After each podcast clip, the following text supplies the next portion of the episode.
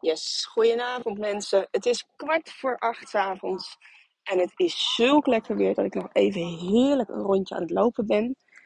Ehm, in Italië doen ze dat altijd, na het avondeten. Even lekker nog een wandeling maken. Volgens mij proberen ze het ook zoveel mogelijk na elke maaltijd te doen. Maar zeker na het avondeten is dat super goed voor je, omdat dat meestal onze zwaarste maaltijd is. En dan even daarna een wandeling maken is heel erg goed voor je stofwisseling. Ehm, maar goed, daar gingen we het niet over hebben vanavond. Deze tip krijg je er gratis bij. We gingen het hebben over een onwijs mooie sessie die ik gisteren had in mijn programma Gold Chasers. Voor eh, wie niet weet wat Gold Chasers is, zal ik het even kort uitleggen. Ik ben 27 april jongsleden 50 geworden en ik had mezelf als doel gesteld om op mijn 50ste verjaardag minimaal 50 vrouwen te verzamelen die voor 50 euro uh, zes maanden met mij aan de slag wilden om een bepaald doel te gaan bereiken. En het, wat het doel was, maakte niet uit. Het ging erom dat je je doelen gaat najagen en ze ook gaat behalen in zes maanden. Nou, het is een heel gemaleerd gezelschap. Superleuk. En de doelen zijn ook heel erg uiteenlopend. Uh, veel vrouwen die, uh, die willen afvallen, maar ook bijvoorbeeld stoppen met roken. een opleiding afronden, een nieuwe baan zoeken, betere balans tussen werk en privé hoogtevrees onder de knie krijgen. En een paar vrouwen die bijvoorbeeld zeggen: Ik wil assertiever worden. Ik wil gewoon hè, me niet meer zo van mijn stuk laten brengen door wat anderen over me zeggen of van me vinden. Nou, dus echt, hè, iedereen heeft zijn of haar, of eigenlijk haar, dat zijn alleen maar vrouwen, eigen doel. En uh, daar gaan we dus voor met z'n allen.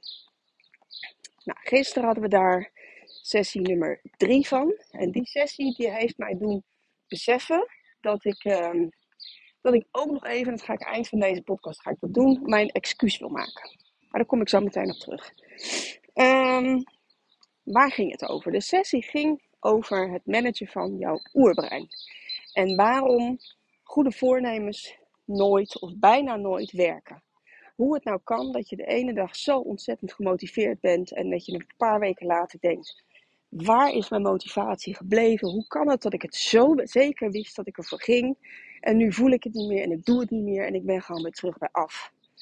Nou, goede voornemens linken wij natuurlijk aan 1 januari, maar eigenlijk is alles wat je zelf voorneemt is een goed voornemen. als jij nu op dit moment is vandaag zaterdag, als jij bedenkt van maandag ga ik er vol voor, ik ga nog even een paar kilo's eraf uh, halen voor de zomervakantie, dan is dat ook een goed voornemen. Dus die zijn natuurlijk niet per se aan een datum verbonden. Dus in dit geval de goede voornemens waren eigenlijk de doelen die dus gesteld zijn in Gold Chasers. En wat je dan ziet, is dat vlak na de start van zo'n programma is er altijd alweer een bepaalde groep die afhaakt. En ik weet zeker dat iedereen er vol enthousiasme aan gestart is en heel gemotiveerd was. En dan komt dus dat bepaalde proces waar ik ze gisteren over heb verteld, dat gaat dus werken. En als je niet weet wat er dan aan de hand is, dan gooi je dus de handdoek in de ring en dan denk je, nou laat maar weer gaan ben weer mislukt. Ik heb weer gefaald. En je hebt dus jezelf weer bewezen dat je het niet kunt. Wat zo ontzettend zonde is. Want je kunt het wel. Alleen uh, je moet wel de juiste weg bewandelen. Nou, um, hoe komt het dat goede voornemens eigenlijk niet werken? Dat heeft te maken met het feit dat je verschillende delen in jouw hersenen hebt. Uh, laten we ze even, ze hebben een hele mooie Latijnse naam. Maar laten we ze voor het gemak even deel A, B en C noemen. En uh, je neemt, je bepaalt je goede voornemen, bepaal je met deel A. En deel A is het gedeelte van jouw brein dat heel verstandig is. En uh, dat altijd ook nadenkt en uh, beslissingen uh, voor jou neemt die verstandig zijn en die jou op de lange termijn die het beste voor jou zijn. Dat is deel A. En deel B en C, dat zijn een beetje de, de raddraaiers in het geheel die zijn het daar dus niet mee eens. Je moet het een beetje zien als drie broertjes. Je hebt dus één heilig boontje.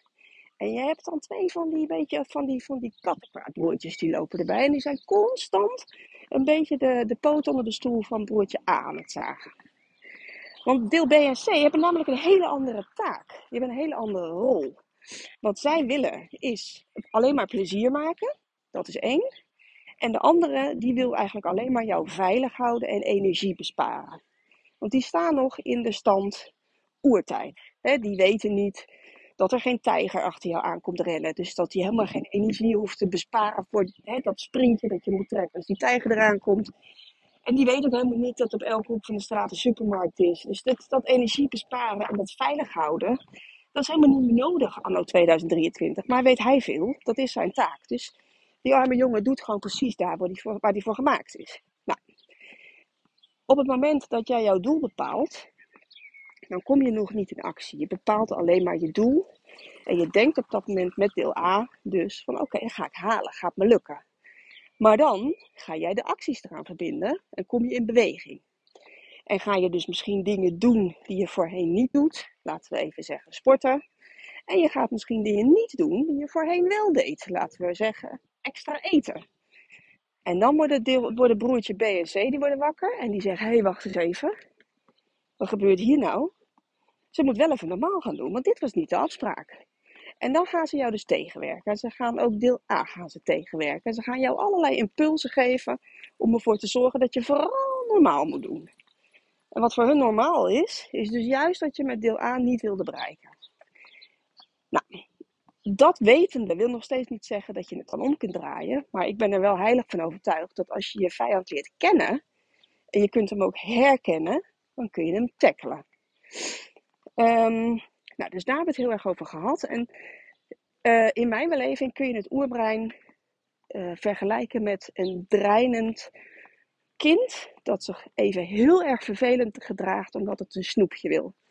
Dus jij, hè, misschien heb je het wel eens meegemaakt met je eigen kind of met een neefje of een nichtje of je hebt het wel eens gezien in de supermarkt. Je loopt in het pad waar het snoep ligt en jouw kind zegt, of het kind zegt, ik wil snoep. En jij zegt, nee, gaan we niet doen. Het kind laat zich vallen op de grond. Enorm drama. Gillen, krijsen, stampen, weet ik wat het allemaal doet. De hele Albert Heijn loopt uit omdat ze denken dat er iemand vermoord wordt. Dat is dat kind dat een snoepje wil. Nou, op dat moment kun jij drie dingen doen. Je kunt denken, jeetje Mina, maar hier heb ik helemaal geen trek in. Dit moet zo snel mogelijk ophouden. En jij zegt, oké Pietje, pak je snoep maar. Nou, kind denkt, hartstikke idee. Wat heb je op dat moment het kind geleerd? En dus ook jouw oerbrein. Als ik maar hard genoeg drein en schreeuw en uh, zanik, dan krijg ik mijn zin.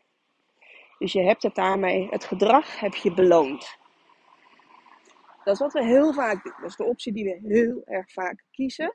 Niet met het kind, maar wel met impulsen van jouw oerbrein. Je voelt je oncomfortabel, je vindt het niet fijn hoe je je op dat moment voelt. En je denkt van, nou, weet je, ik pak het dan toch maar. Want dan voel ik me weer even lekker en dan voel ik me weer even rustig. Dus dat is de eerste. De tweede is dat je het kind van de grond afraapt, dat je het door elkaar schuurt, dat je gaat staan schreeuwen dat het vooral zijn mond moet houden, waardoor het kind alleen maar meer overstuur raakt en um, nog harder gaat huilen, waardoor jij nog harder gaat schreeuwen. En je probeert elkaar alleen maar te overschreeuwen en uiteindelijk is iedereen overstuur en er zijn geen winnaars.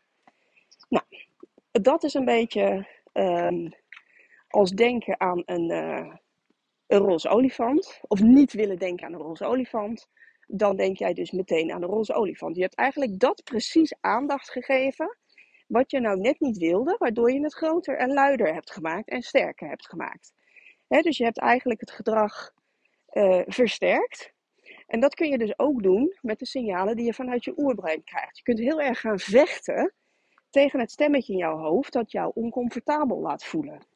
Ik wil dat niet voelen en ik wil dat het stemmetje weggaat. En waarom voel ik me nou toch zo? En zie je, ik heb het nog steeds niet onder controle. Nee, het is er.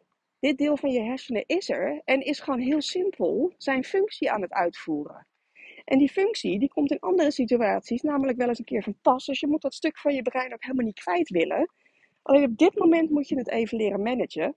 Dus maak je er niet druk om dat het er is. Signaleer het. Registreer het. Stap over het kind heen. Zeg, als je rustig bent kun je weer naar me toe komen. Nou, zo doe je het ook met je oerbrein. Oké, ik ervaar dat ik nu dat taartje wil. Maar ik hoef er niet naar te luisteren. Ik doe er dus niks mee. Nou, dan voel je je heel even voel je, je oncomfortabel. Um, en dat trekt dus weer weg. Dus dat is optie 3. Optie 3 is het over je heen laten komen. Weten dat er niks ergs gebeurt. En dat het vervelende gevoel ook weer af zal zwakken. En er vervolgens dus niks mee te doen. Dus hè, je wil het oerbrein niet zijn zin geven, want daarmee hou je het gedrag alleen maar in stand. Je wil er ook niet tegen gaan vechten en gaan schreeuwen dat het vooral zijn mond moet houden. Want je geeft het alleen maar aandacht. waardoor het versterkt. Maar je wil het registreren, je wil comfortabel zijn met het oncomfortabele. Dus je wil weten van oké, ik voel me nu even niet lekker. Maar straks heeft de rest heeft zijn gebakje op. Heb ik het niet genomen en dan voel ik me gewoon weer heerlijk fijn. Hè? Ik heb nu geen zin om te sporten. Ik ga het toch doen. Bedankt voor de suggestie, oerbrein, om het niet te doen, maar ik luister er niet naar. En strakjes voel ik me gewoon weer helemaal comfortabel. Nou, dat is denk ik de beste de, en de, de meest relaxte um, optie van de drie. Maar ook die waar je dus de meeste resultaten mee behaalt. Nou, dat was het eerste deel van de sessie. Het tweede deel van de sessie was dat ik één op één, of zoals zij zei, 1 op 50. Nou, dat is natuurlijk gelijk in, want het is één op één met een scherm ertussen. Maar tegelijkertijd zitten alle andere deelnemers die er op dat moment bij zijn zitten er ook naar te kijken en de rest krijgt de opname toegestuurd. Dus uiteindelijk zijn het er 253 die het, die het horen en zien. Dus dat vond ik al heel knap van haar, dat ze wel het gesprek met me aanging. Want uh, dat was een onderdeel van haar doel.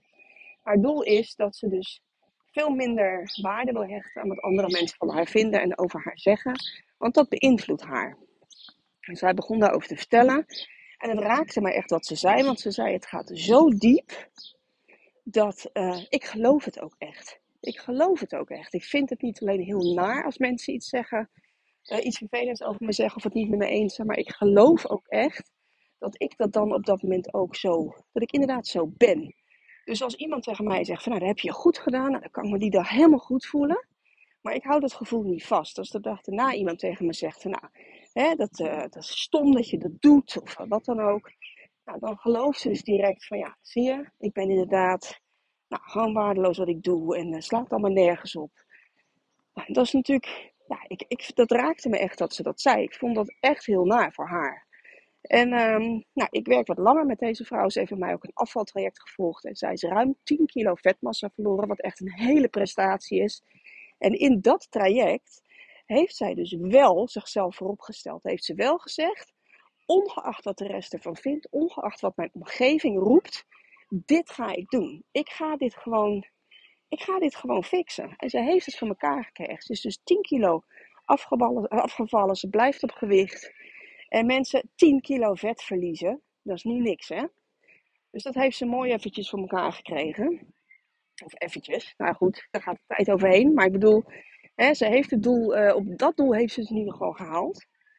Dus ik vroeg aan haar, um, nou, we hebben het dus over gehad. Op een gegeven moment vroeg ik aan haar van, maar waar ben jij nou trots op? Wat heb je goed gedaan de afgelopen tijd? Nou, ze was stil. Er kwam echt niks uit. Dus ik dacht, jeetje, weet je, waarom is dit niet bij jou top of mind? Dat je dit, dit voor elkaar gekregen hebt. En uh, zeg maar, ik bedoel niet alleen heel recent, hè, maar ook ietsje langer. Zo, wat heb je nou goed gedaan? Nou ja, ze kwam er gewoon niet op. Dus ik zeg, ja, ik weet het wel. Je hebt toch gewoon een hartstikke goede prestatie neergezet. Nou, en toen dacht zij dus aan die 10 kilo. Nou, en met mij, de rest was er getuige van. Eerlijk waar, ik kan je niet vertellen wat er gebeurde. Zo, zonder dat je het ziet, zeg maar. Maar de zon brak door. Haar hele gezicht ging stralen. Haar ogen gingen stralen. Ze glunderde van oor tot oor. Ze was zo trots op wat ze gedaan had. Alleen, ze had het niet top of mind. Ze was dus veel, veel meer geneigd om te denken, ja, ik heb eigenlijk niks goed gedaan. Dan dat ze meteen zei van, ja, moet je eens even kijken wat ik daar voor prestatie heb neergezet. Nou, en wat er toen gebeurde, nou, daar ben ik gewoon stilletjes nog, uh, niet stilletjes, want ik vertel het nu ook aan jou. Maar daar ben ik dus nog steeds van aan het nagenieten. Want de groep die ging daar dus op los.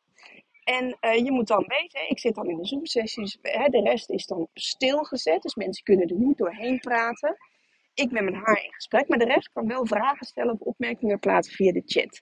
En dat gebeurde dus. Dus ik zie zo binnenkomen 1, 2, 3. Nou, dat betekent dat er wat opmerkingen staan. Dus ik open die chat. En dat waren dus de andere mensen die zo, haar zo een hart onder de riem aan het steken waren.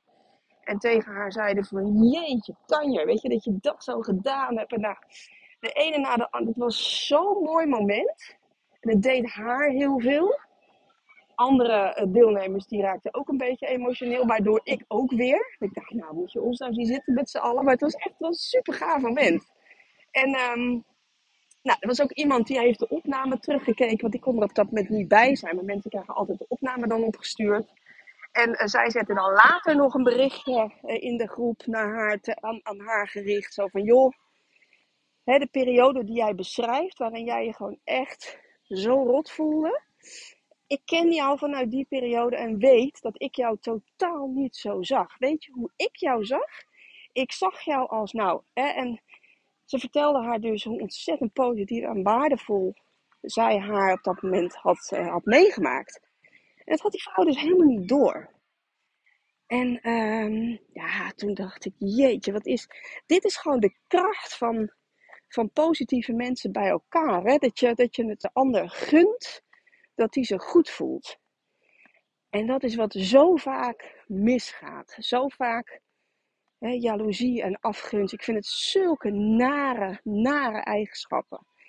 Hè, het niet tegen iemand kunnen zeggen van jeetje vrouw, wat zie jij er goed uit. Of jeetje, wat heb je dat goed gedaan. Of wat knap dat je zoveel bent afgevallen. Of hè, elkaar liften in plaats van dat neersabelen. Elkaar liften in plaats van, van kritiek. En bij jezelf denken, hm, nou, hè, uh, stiekem eigenlijk voelen van dat had ik zelf ook wel heel graag uh, kunt willen hebben, maar ik kan het niet. En dat je dat dan niet om kan turnen tot een positieve uitspraak, maar dan iemand de gift geven. Ja, ik heb daar zo'n broodje dood aan.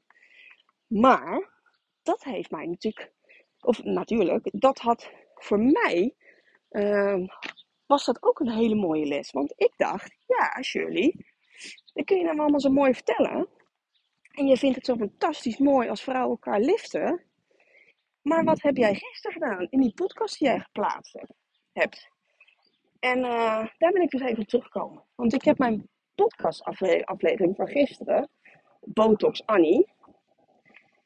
Daarom ben ik eigenlijk natuurlijk helemaal niet zo aardig geweest. Ik bedoel, mijn verhaal staat overeind, hè, hoe ik die Botox-ervaring en met die arts heb ervaren.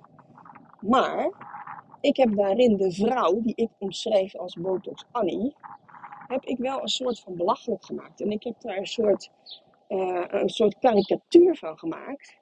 Met een opgeblazen gezicht en opgepompte lippen. En, en dat was helemaal niet nodig. Dat was ook helemaal niet nodig om het verhaal aan kracht bij te zetten of wat dan ook. Maar ik, ja, weet je, ik ga dat niet vergoeilijken. Ik zit dan in die flow en ik kan dan soms zo lomp uit mijn, uit mijn woorden komen. Dan, oh, dan denk ik achteraf, waarom moet je dat nou weer zo zeggen? Dus dat heb ik gewoon niet goed gedaan. Dat heb ik gewoon niet goed gedaan. Want stel je nou voor dat er een vrouw deze aflevering heeft geluisterd. Die dus inderdaad haar gezicht um, zo heeft laten behandelen. En die dus inderdaad uh, dat soort lipvergrotingen heeft gedaan. En die daar gewoon hartstikke blij mee is. Nou, dan gun ik haar dat heel erg. En dan vind ik het gewoon oprecht vervelend. Dat ik dat op die vreemde manier, op die rare een onaardige manier heb afgeschilderd. Dus bij deze, sorry, ik had dat echt niet zo moeten doen. Ik ga de aflevering er niet uithalen, want dat vind ik nu veel te makkelijk. Uh, dus ik wilde daar gewoon graag op deze manier op terugkomen. Nou, goed. Inmiddels ben ik bijna weer thuis. Het is nog steeds hartstikke warm. En uh, ik heb vanavond lekker niks, dus ik ga denk ik even gewoon een paar afleveringen van een serie kijken of zo. Voetjes op de bank. En uh, oh, dat was hem weer. Ik hoop dat jij verder een hele fijne avond of dag hebt. Afhankelijk van het tijdstip dat je, dat je dit hoort. Um, en tot in de volgende aflevering. Doei doei!